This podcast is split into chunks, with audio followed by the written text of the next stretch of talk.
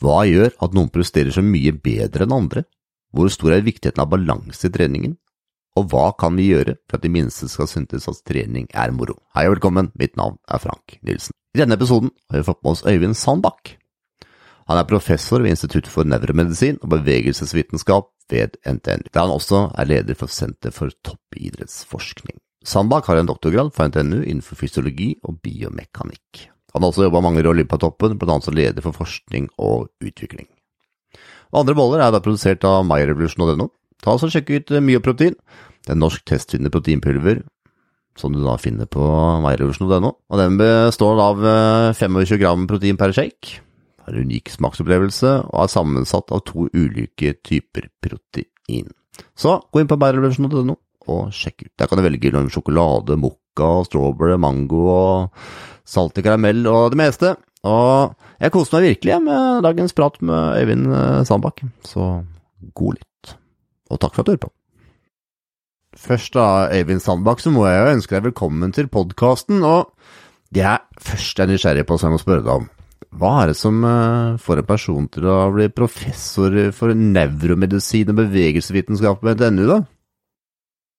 Det er et godt spørsmål. Jeg er jo en mann fra idretten, da. Så jeg har jo jeg er vokst opp i Ørsta på Sunnmøre, og der eh, var jo jeg glad i å drive idrett. Jeg hadde en far som tok oss med på ski, langrenn, og så, og så drev jeg med friidrett og spilte litt fotball, så vi var jo på en måte en idrettsfamilie. Og så, og så um, enda det med at jeg etter hvert fikk lyst til å studere idrett. Så jeg reiste først på skigymnas til Meråker, og så begynte jeg å studere idrett etterpå. Jeg skulle egentlig bli lege, da, eh, hadde jeg tenkt. Så jeg har vært veldig liksom, skoleflink og var ivrig på skolen og hadde gode karakterer. Men så begynte jeg jo på idrett, for jeg skulle liksom dyrke min egen eh, langrennskarriere noen år som senior.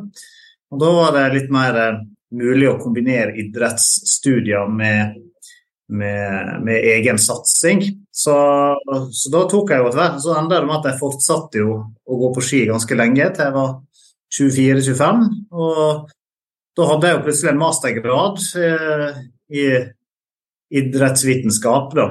Og så ja, så, og, la, og la på ski, og så fikk jeg jo mulighet til å begynne som trener. Eh, det var jo av alle ting Tor Arne Hetland, da, som den tida var både olympisk og verdensmester, som jeg har trent mye sammen med. Han eh, mente at jeg måtte bruke hodet mitt til noe mer enn å drive og gå på ski sjøl, så han dro meg inn i, mot sprintlandslaget. Så jeg var med både og sparra med Tor Arne og prøvde å hjelpe han, og, og ble med rundt sprintlandslaget og Skiforbundet. Så, og, og, i løpet av det så kom jeg i kontakt med Olympiatoppen.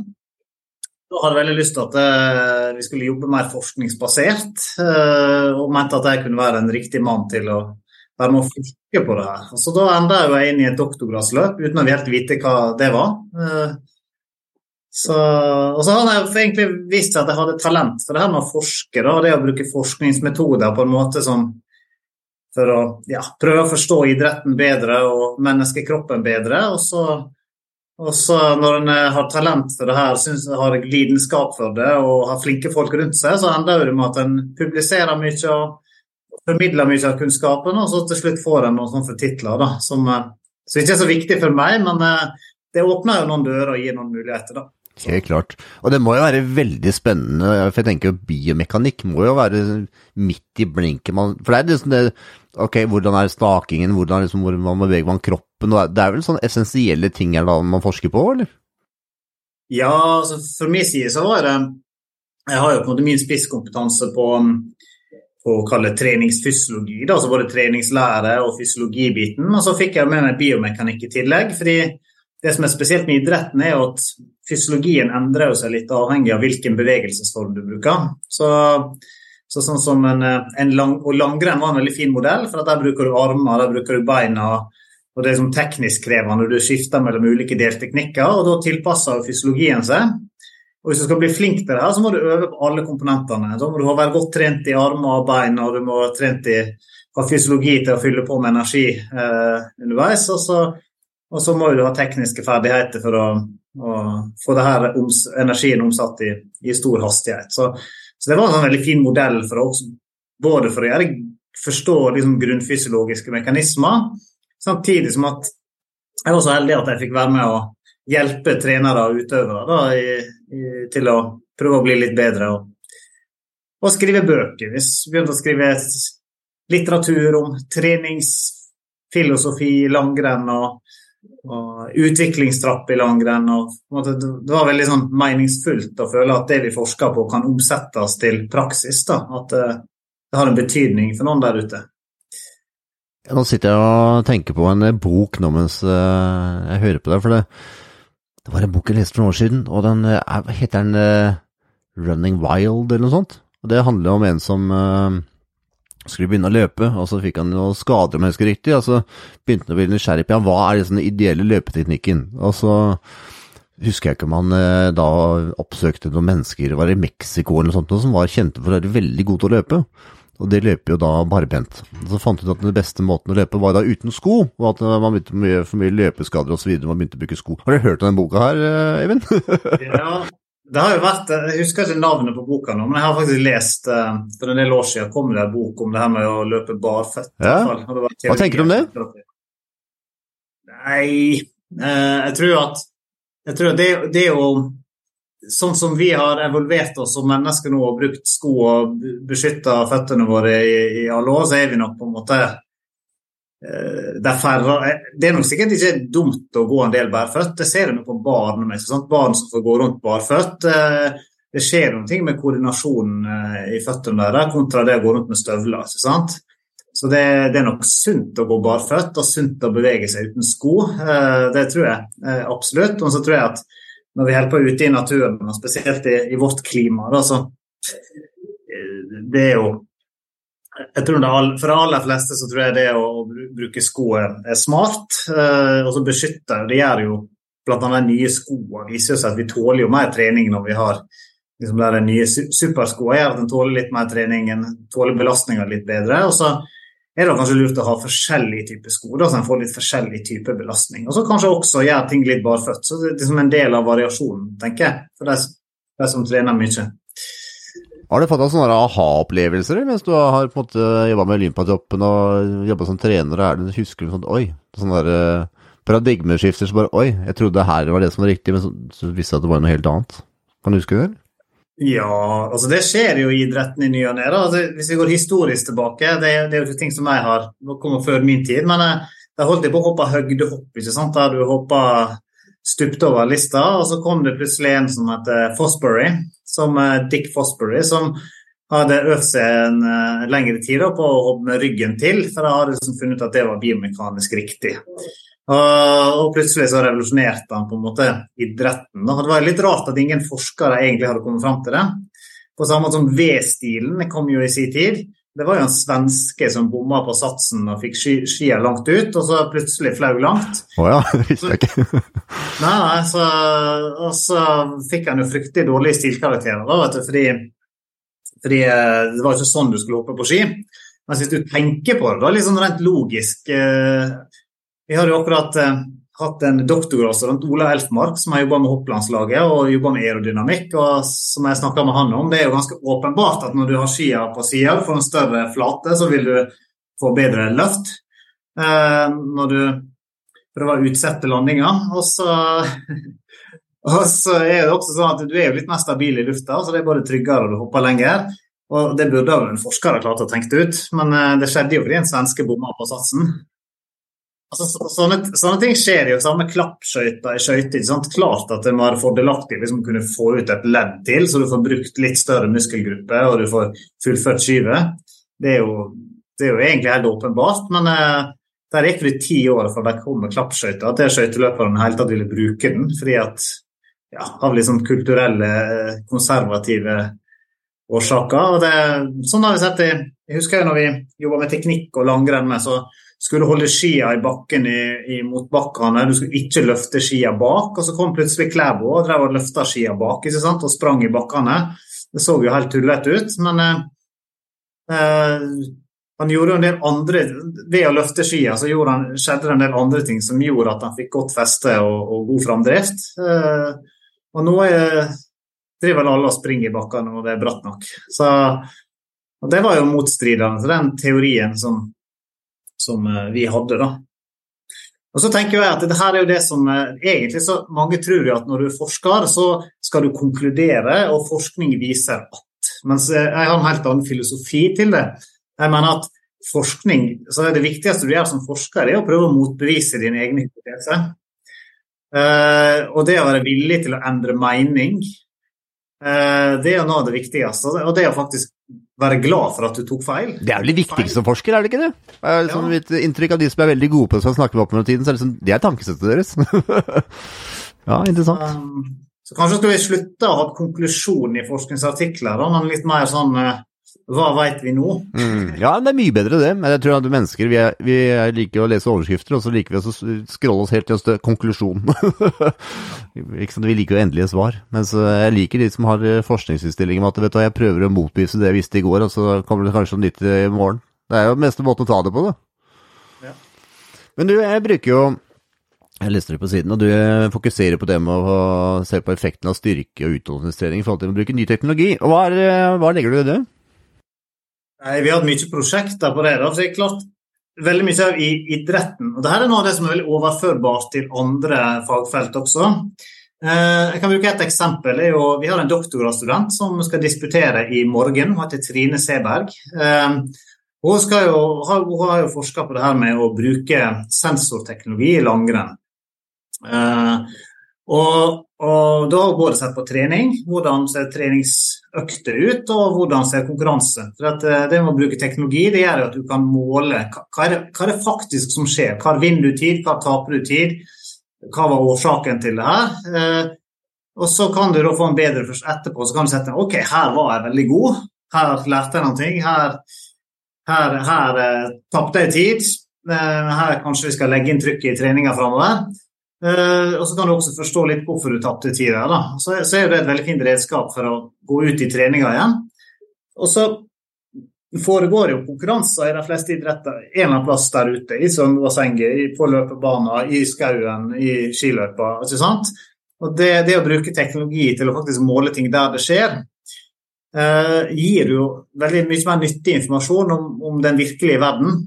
Og da er jo, som jeg bruker å si, hva er forskning? Forskning er jo ikke noe annet enn en systematisk måte å forstå verden på, altså den virkelige verden. Og hvis du kan bruke teknologi til å få enda mer innsikt i den virkelige verden, så er det veldig nyttig. Og Da må du måle søvn på soverommet der folk sover. Da trenger du teknologi til det, ikke et søvnlaboratorium. Da må, du, da må du måle teknikk ute i felten der teknikken utføres, og prestasjon. Og Det er liksom sånn vi har prøvd å jobbe målretta i 15 år nå. Så, så, det er spennende. Har du oppdaga noe underveis? Ja, det syns jeg jo. Det, nei, det, det, er jo gjerne de studiene vi har kanskje hatt størst, størst impact på idretten. Eh, der har vi hatt veldig sånn, godt samarbeid med Olympiatoppen og særforbundene, både i skiskyting og langrenn og kombinert. Der, der Jan Korpach, som jobber hos oss, eh, han er også en av veilederne på Trine i morgen. Han har jo utvikla software og algoritmer og til å, å både kunne måle eh, hvor skiløpere vinner og taper tid, eh, hvorfor de gjør det, og også pedagogisk verksted for å vise dem det. Og Da har vi hatt mulighet til å forske på det her, og så har vi også kunnet brukt det sammen med landslaget. Altså, Jan har vel kommet i VG, både i VG og Dagbladet flere ganger, som Martin Sundby og Therese Johaug har takka han for medaljene. Da, fordi de små marginene har de kanskje vunnet på, fordi at de dagene i forveien har trent i de løypene, sett hva som lønner seg, hvor fort skal du gå i bakken, hvor mye fart kan du ta med deg over bakketoppen, og, og, og hva skal du prøve å spare kreftene ditt, sånn at du bruker kreftene smartest mulig. Så, så det her har vært veldig sånn spennende. Og det som er kult med det her, det er at den kunnskapen som vi, Trine og Jan og hele teamet som har jobba med det her, holdt på med, det har vi også brukt i helsesammenheng. Så når Trine disputerer i morgen, så har hun også jobba i et prosjekt der vi har brukt samme teknologi, samme tankesett på MS-pasienter. Og de har også fått framgang med samme Nei, det? målmetodikk. Så det er litt Oi! Hva har man gjort da, vet du? Der, er jo, der har jo målet vært at de ikke må på en måte inn i en ganglab for å måle gangfunksjon og sånn, men at du kunne utvikle på en måte med bruk av sensorteknologi. Enkle kall det tester, gangtester og se på gangfunksjoner som i ja, på klinikken eller der de er. Og så, og så, kan de også måle framgang over tid når du setter inn tiltak, eller og se når situasjonen forverrer seg. da, At du faktisk kan se hvordan det påvirker evnen din til å, til å gå, bl.a. Og det å kunne gå og bevege seg er jo viktig for livskvaliteten. Ehm, så, så det er liksom artig å se tankesettet og verktøy, sensorene vi bruker, og, og analysemetodene kan ha ha nytteverdi også utover idretten. da. Jeg har jo siden iallfall de siste 10-12 årene hatt veldig fokus på det mentale, Øyvind. Og det måtte være hva strategiene Her om dagen så intervjuet jeg en uh, mann som hadde gjennomført 105 fulldistanse Ironman på 105 dager. uh, du vet jo hva en Ironman er, Evin. Er, ja, ja. Det er jo 16 timer, ikke sant? Så han, eh, da hadde jo 16 timer med hardkjør hver dag i 105 dager. Og da var jeg interessert i å høre ja, hva, hvilke mentale tankesett altså hvilke tankesett har du da, for å liksom klare å gjennomføre noe sånt? Han fikk jo en hofteskade i dag 65, men fortsatt, den var ferdig. Og satte en ny verdensrekord med det. og her er måte det her jeg har hatt mye fokus på, prøve å forstå hvordan det her er. Mens du har hatt fokus på det med å forstå de, de, de, de, fysiologiske tingene bak det med disse prestasjonene.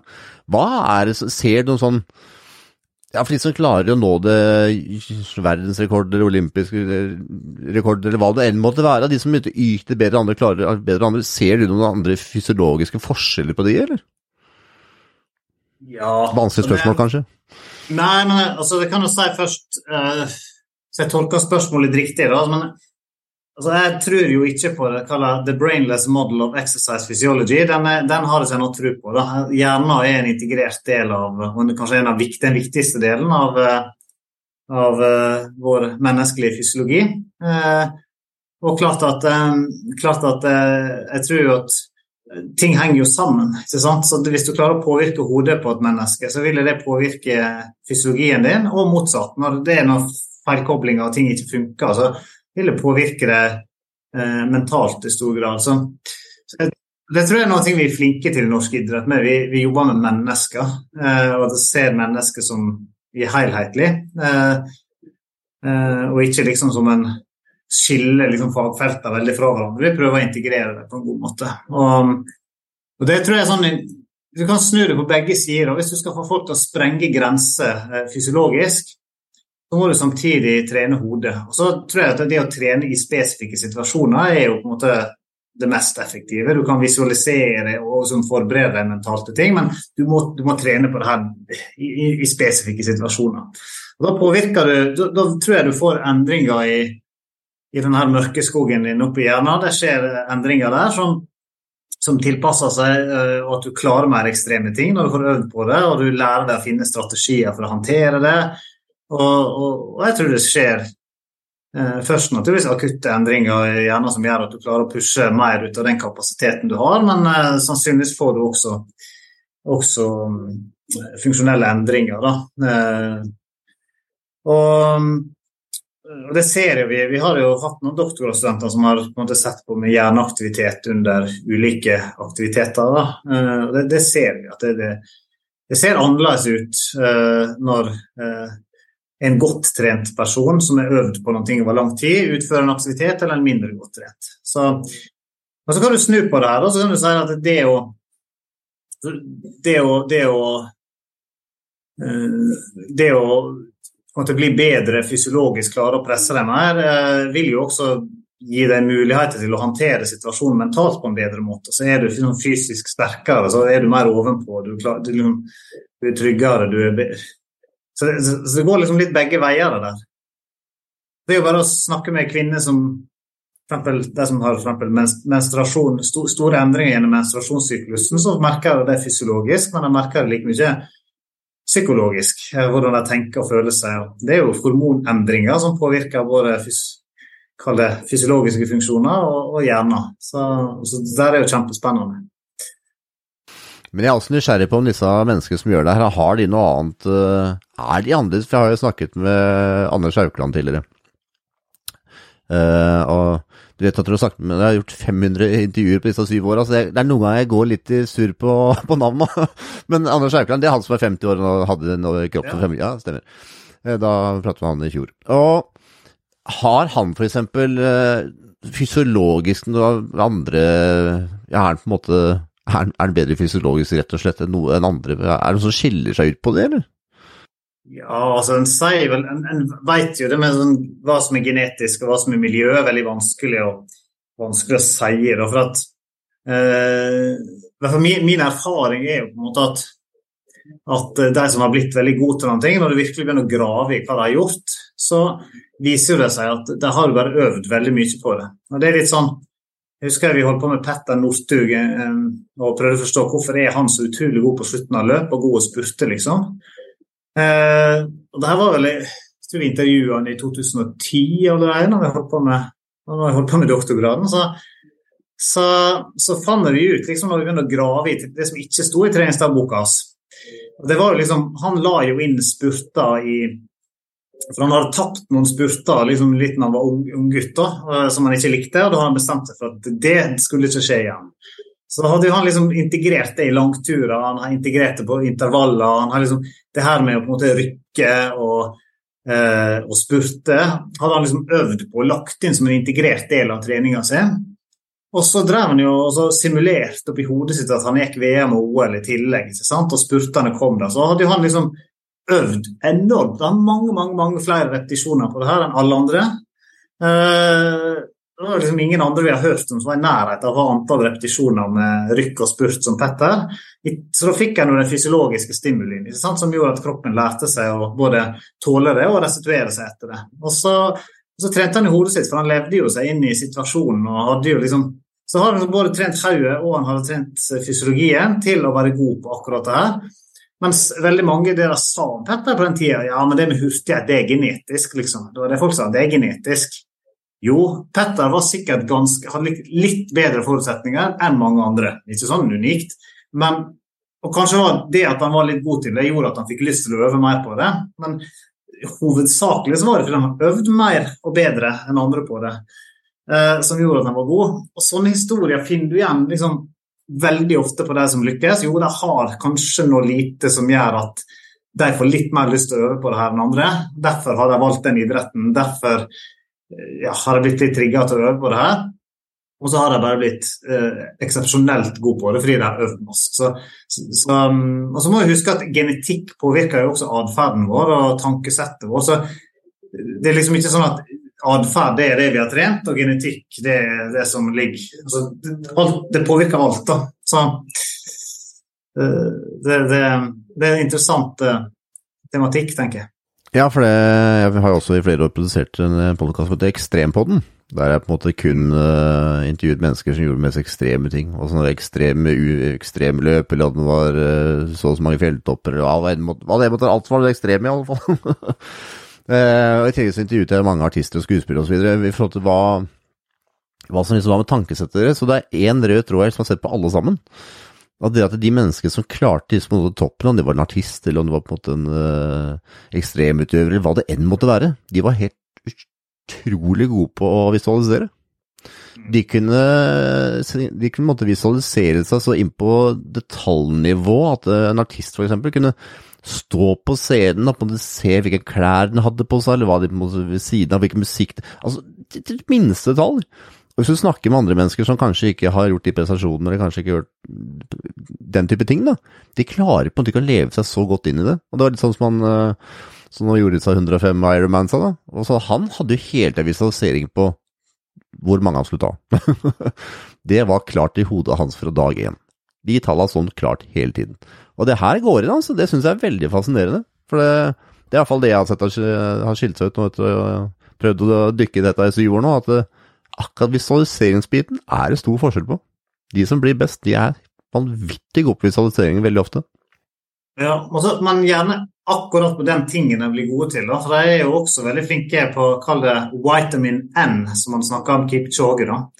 Evnen til å si nei evnen til å prioritere. Så de er jo veldig ofte veldig gode på å prioritere. for det er ikke alltid de som er veldig gode, har mer energi enn andre, eller mer kognitiv energi, sånt, men de har liksom generert veldig inn på de tingene som de skal ha, og evner kanskje da å koble ut veldig mange andre ting. Så, ja, disiplin. Sånn er det for oss forskere mer. at vi, det er vel noen som eh, blir, blir skuffa når de møter oss og ser hvor elendige vi er på ting som ligger utenfor spisskompetansen. ja, det er som du sier, de er veldig gode på disiplin. Nettopp. Disiplin, det og visualisering er liksom det jeg har sett som den mentale greia som er, går liksom veldig ofte igjen. Men det med Du har jo på en måte sett på hvor det med prestasjoner osv. Er det noe for vanlige folk, eller som du har forska på, som uh, vi kan dra nytte av? Ja, jeg tror det Altså, det, det er jo litt sånn Jeg har vært heldig og fått jobba med ganske mange toppidrettsutøvere. Og, og for så vidt forska på det. og du kan si det på den ene dimensjonen er liksom det å forstå hva er på en måte eh, den maksimale evnen hjertet har til å pumpe blod, f.eks. Hvor, hvor, hvor, stor er, hvor mye kan det tilpasse seg? Kontra, eh, kontra hjertefrekvensen, f.eks. Altså det her at du, hjertefrekvensen vil jo sannsynligvis ikke bli noe høyere hos en toppidrettsutøver enn hos en vanlig trent, mens slagvolumet blir mye større. Der ligger liksom og hvilken trening er det som påvirker de ulike faktorene? Hvor stor tilpasning har musklene? Osv. Dette gir oss et rom for liksom, hvor stor, mye kan kroppen tilpasse seg. og, og, og eh, eksempel med hjertet så er det utvikla masse tester i toppidretten. Naturligvis bare den teknologien bruk av pulsklokke var en utvikla i toppidretten. altså I dag bruker alle det. Eh, det her med å forstå på en måte hjertefunksjonen og sånt, og hvordan hvor stor kapasitet det har. Det har jo også vært brukt veldig mye. Samme type tester brukes jo i dag for å finne ut eh, risiko Detektere risikofaktorer for, eh, for ja, ulike hjertelidelser. Så, så, det er jo veldig, veldig sånn fysiologisk der. Men så kan du på den andre måten si at når det gjelder liksom her med å, å trene toppidrettsutøvere, det er bare mennesker, det med. Og kjøtt og blod og følelser og emosjoner. og De sliter med ting, og vi har alle våre issues. Eh, og, og, og, jeg tror jo på en måte Den måten en jobber med toppidrettsutøvere på, er jo egentlig veldig lik det en måten flinke folk jobber på i næringslivet, eh, i kunst og musikk og, og for så vidt i barneidretten. Altså jeg er jo heldig å trene i barneidretten nå og bruker akkurat samme prinsipper i barneidretten som de bruker i toppidretten. Litt annen pedagogikk og litt andre treningsmetoder. Men, men skal du få unger til å trives i idretten, så må du gi dem lidenskap. og De må synes det her er gøy og de må liksom finne sin indre flamme. ikke sant? Og så må du legge opp øvelser som er passe krevende, men ikke for krevende, sånn at de mister motivasjonen. At du får dem til å oppleve mestring samtidig som de blir utfordra. Eh, du må naturligvis prøve å bygge en gruppe som gjør at det her er ting de kan gjøre sammen og utfordre hverandre. Det her med å lære seg å sette seg mål og kunne håndtere det. Det å ikke være så opptatt av resultatet, men faktisk ha fokus på liksom, de underliggende prosessene. Og, så, og gjøre hele idretten til en læringsarena som er spennende og utviklende og gøy. Altså, det er jo akkurat sånn en jobber i toppidretten. Det er jo det som kjennetegner de beste utøverne. Har den lidenskapen, de har det trøkket, har evnen til å sette seg mål før hver økt. De vet akkurat hva de skal gjøre, de er fokusert underveis. Og, og de har det jækla gøy på veien.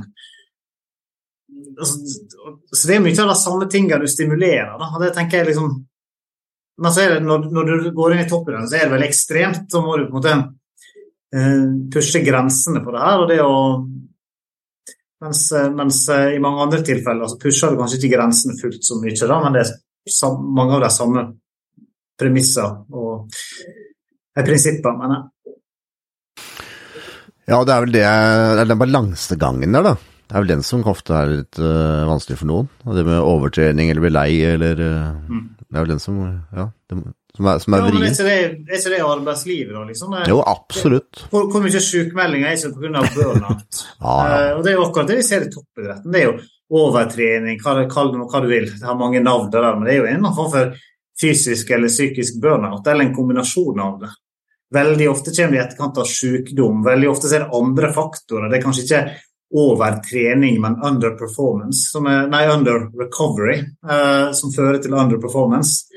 Uh, så, og, og, sånn er jo livet. Jeg merker jo sjøl vi har Nå har heldigvis barna blitt så store at vi de gir mer energi enn de tapper. Men når det er små barn, du sover lite og du har store ambisjoner sjøl på jobb, og så skal du prøve å få det her livet til å, å fungere. ikke sant? Det, det er krevende. Uh, ja, for jeg, for jeg liksom, balansen der. Ja, helt klart. Uh, jeg er litt sånn nysgjerrig på at du sa en veldig viktig moment her. Det er faktisk den hviletiden. Det er, altså, det er, minst like viktig som det, måte, det du skal prestere. Hva, hva, er ditt, hva, er dine tanker om det? Hvile, restitusjon? Nei. Det er jo gjerne flere dimensjoner knytta til det. Det ene er jo den mentale, kall det mer sånn å være, kall det restituere seg mentalt, kognitivt. Uh, der har vi ulik toleranse, tror jeg. Uh, jeg har veldig, hatt veldig stor liksom, toleranse for å tåle mye kognitiv load eh, og restituere meg raskt. Eh, mens på emosjonelt der eh, blir jeg fort veldig påvirka. Blir veldig sliten hvis jeg står i konflikter eller liksom sånt. Og håndterer det kanskje litt eh, dårligere og trenger mye mer restitusjon. Og så har du mer fysiske eh, belastninger. Det, er jo gjerne muskulaturen da, som hjerte- og sirkulasjonssystemet som restituerer seg gjerne fort. mens mens, ehm, mens eh, musklene da er gjerne der som på en måte krever lengst restitusjonstid eh, for å ta seg igjen. Og det, eh, det, er jo helt avgjørende hvis du skal eh, lykkes i idrett, i fall, at du finner riktig balansen mellom å bryte ned muskulaturen og bygge, la muskulaturen bygge seg opp igjen. på en måte, Og finne den rette sweet spoten der.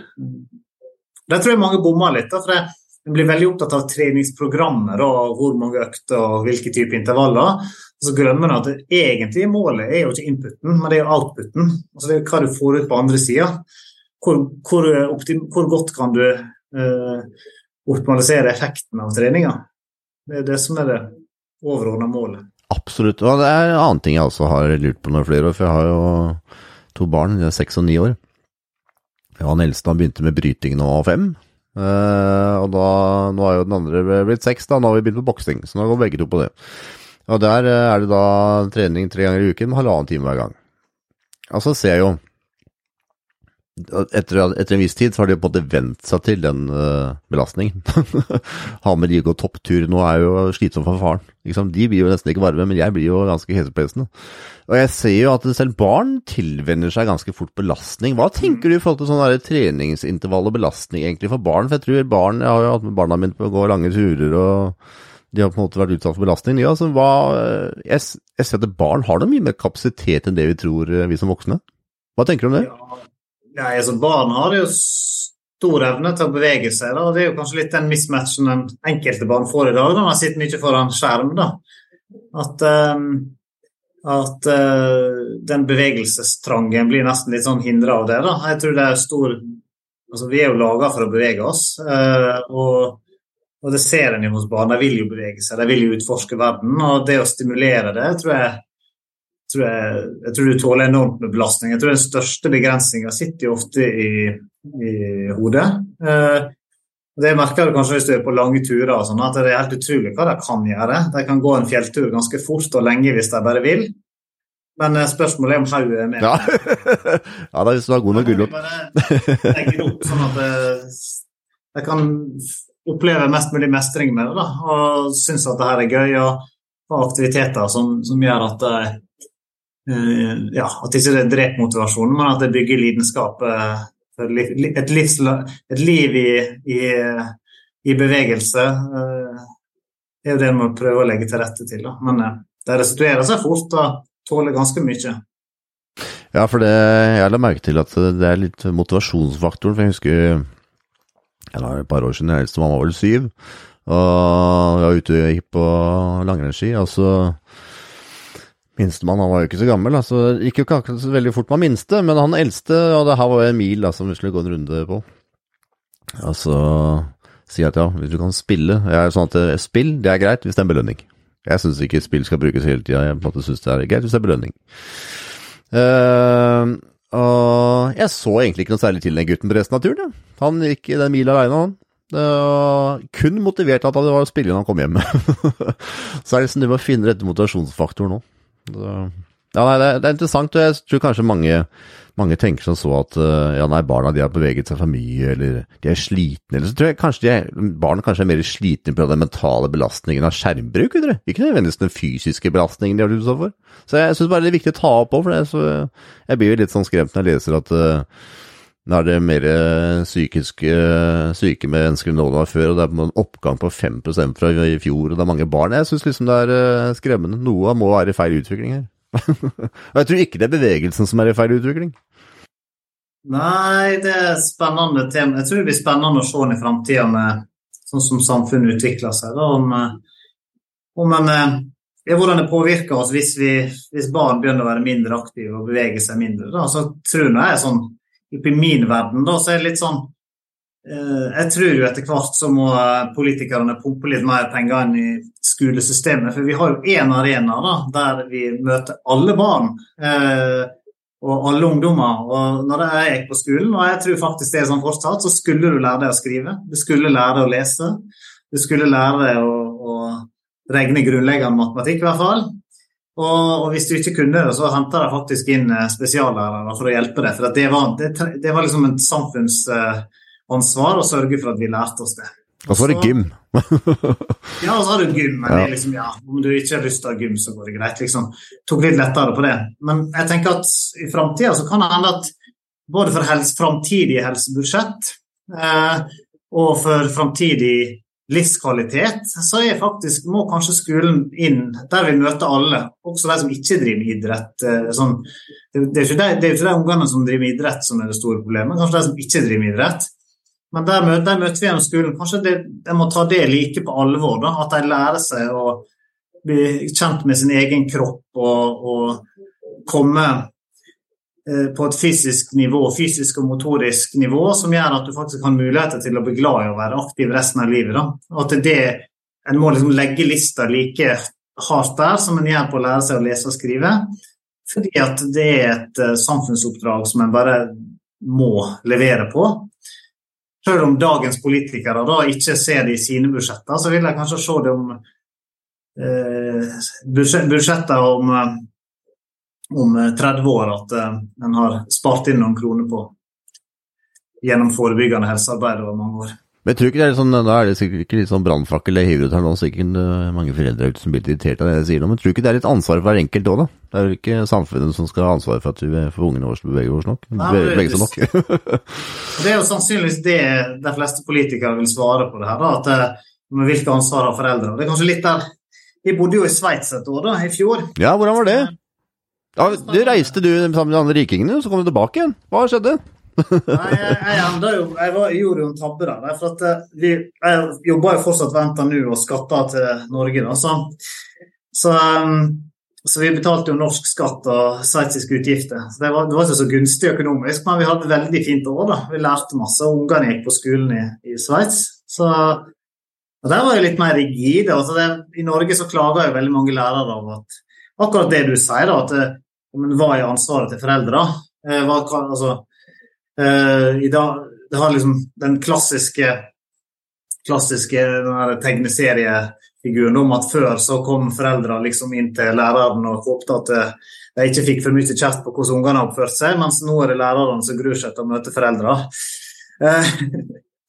Mens i Sveits var forholdet litt annerledes. Da. Det var faktisk litt strengere skolesystem. De fikk karakterer veldig tidlig, da, allerede i første klasse. Eh, det stilte litt større krav til oss foreldre. Eh, så det var en del sånn Det var, sånn, det var litt tøft for ungene mine å komme inn i det, i tillegg til at det var på tysk, da. Så, men samtidig så var det på en måte litt mindre, kall det litt for stor avstand kanskje mellom lærere og elev og foreldre og sånn. Så at vi, vi har vært veldig heldige. Vi har vært kjempeflinke lærere. og liksom og både barnehage og Vi har kun positive opplevelser i Norge. Så, vi har spilt på lag med lærerne og vært heldige sånn, hatt veldig veldig flinke lærere og en god skole. Men, eh, men eh, jeg tror samtidig på en måte litt av den ja, litt sånn disiplinen og kravene, ikke bare til elevene, men også til foreldre som vi møtte i Sveits. Der tror jeg vi har litt å lære. Akkurat det du sier, da. Hvilket ansvar tar foreldre i det her, da? Vi ble stilt litt krav til. og det er jo gøy. Det, det har vi godt av, tenker jeg. Ja, jeg syns det er veldig interessant. Ja. Nå, jeg tenker jo Det er sikkert flere grunner til at mange flytter til Sveits, men det som jeg syns er en sånn uh, gjentagende uh, greie, i hvert fall liksom barn, de sier at ja, ja, det er først liksom barna har kommet til det sveitsiske barnesystemet, eller det sveitsiske skolesystemet, så er det liksom noe man er veldig fornøyd med å tenke at ja, det Ikke sikkert at Norge hadde det beste, kanskje Sveits har minst like godt det òg. Så det er interessant å høre andres uh, tanker om det òg. Der, uh, der er det mange muligheter der ute. Det det. Vi har det bra i Norge med det. Så vi, vi som har bodd på Byåsen og hatt unger på skolen her, vi, er, vi har vært privilegerte og hatt, hatt, hatt, det veldig bra. Så. Ja da, vi, er, vi, har det veldig bra i Norge, og vi er flinke til å klage litt Norge òg. Så det er bare det jeg synes er kanskje litt viktig å få fram, at jeg føler vi på mange måter flytter litt til ansvaret for at ting ikke er best til staten framfor å ta ansvar for det sjøl. Og er vi ikke fornøyd med noe, og du kanskje skulle blitt i bedre form, eller hva det måtte være, så er det ikke staten som skal liksom piske i gang, noe som pisker i gang sjøl. Det er noe med det. Når det, gjelder, når det gjelder fysisk aktivitet, så står det jo faktisk for det at jeg tror at eh, jeg tror jeg faktisk at staten må ta litt større ansvar. Jeg tror det. Eh, Hvordan mener du? Men det betyr, ja, det betyr ikke at eh, det betyr ikke at en skal ta ansvaret vekk fra foreldre, men kanskje kan en da gjennom å sette det med å få å lære opp ungene i, i, å være fysisk aktive og ha et livslangt bevegelsesglede, at det Eh, at en kan også både stimulere ungene, men også stimulere foreldre til å ta litt større ansvar i det. Da. Så um, der, der, tror jeg, der, tror jeg, vi på sikt er nødt til å komme, hvis vi skal, ja, skal få det til. da. Jeg er helt enig med deg, Øyvind. Og jeg må takke så mye for samtalene. Det syns jeg var veldig interessant. å kunne gå gjennom alt fra sveitsiske eh, barneskoler til hvordan, eh, hvordan trene best mulig. Så jeg ønsker deg en fin dag, og så sender jeg lenken når kommer ut, Eivind. Nei, men Takk for det. takk for det. Jeg ser ikke alt jeg er like god ekspert på. Jeg er mer ekspert på treningsfysiologi enn på mm. barneidrett.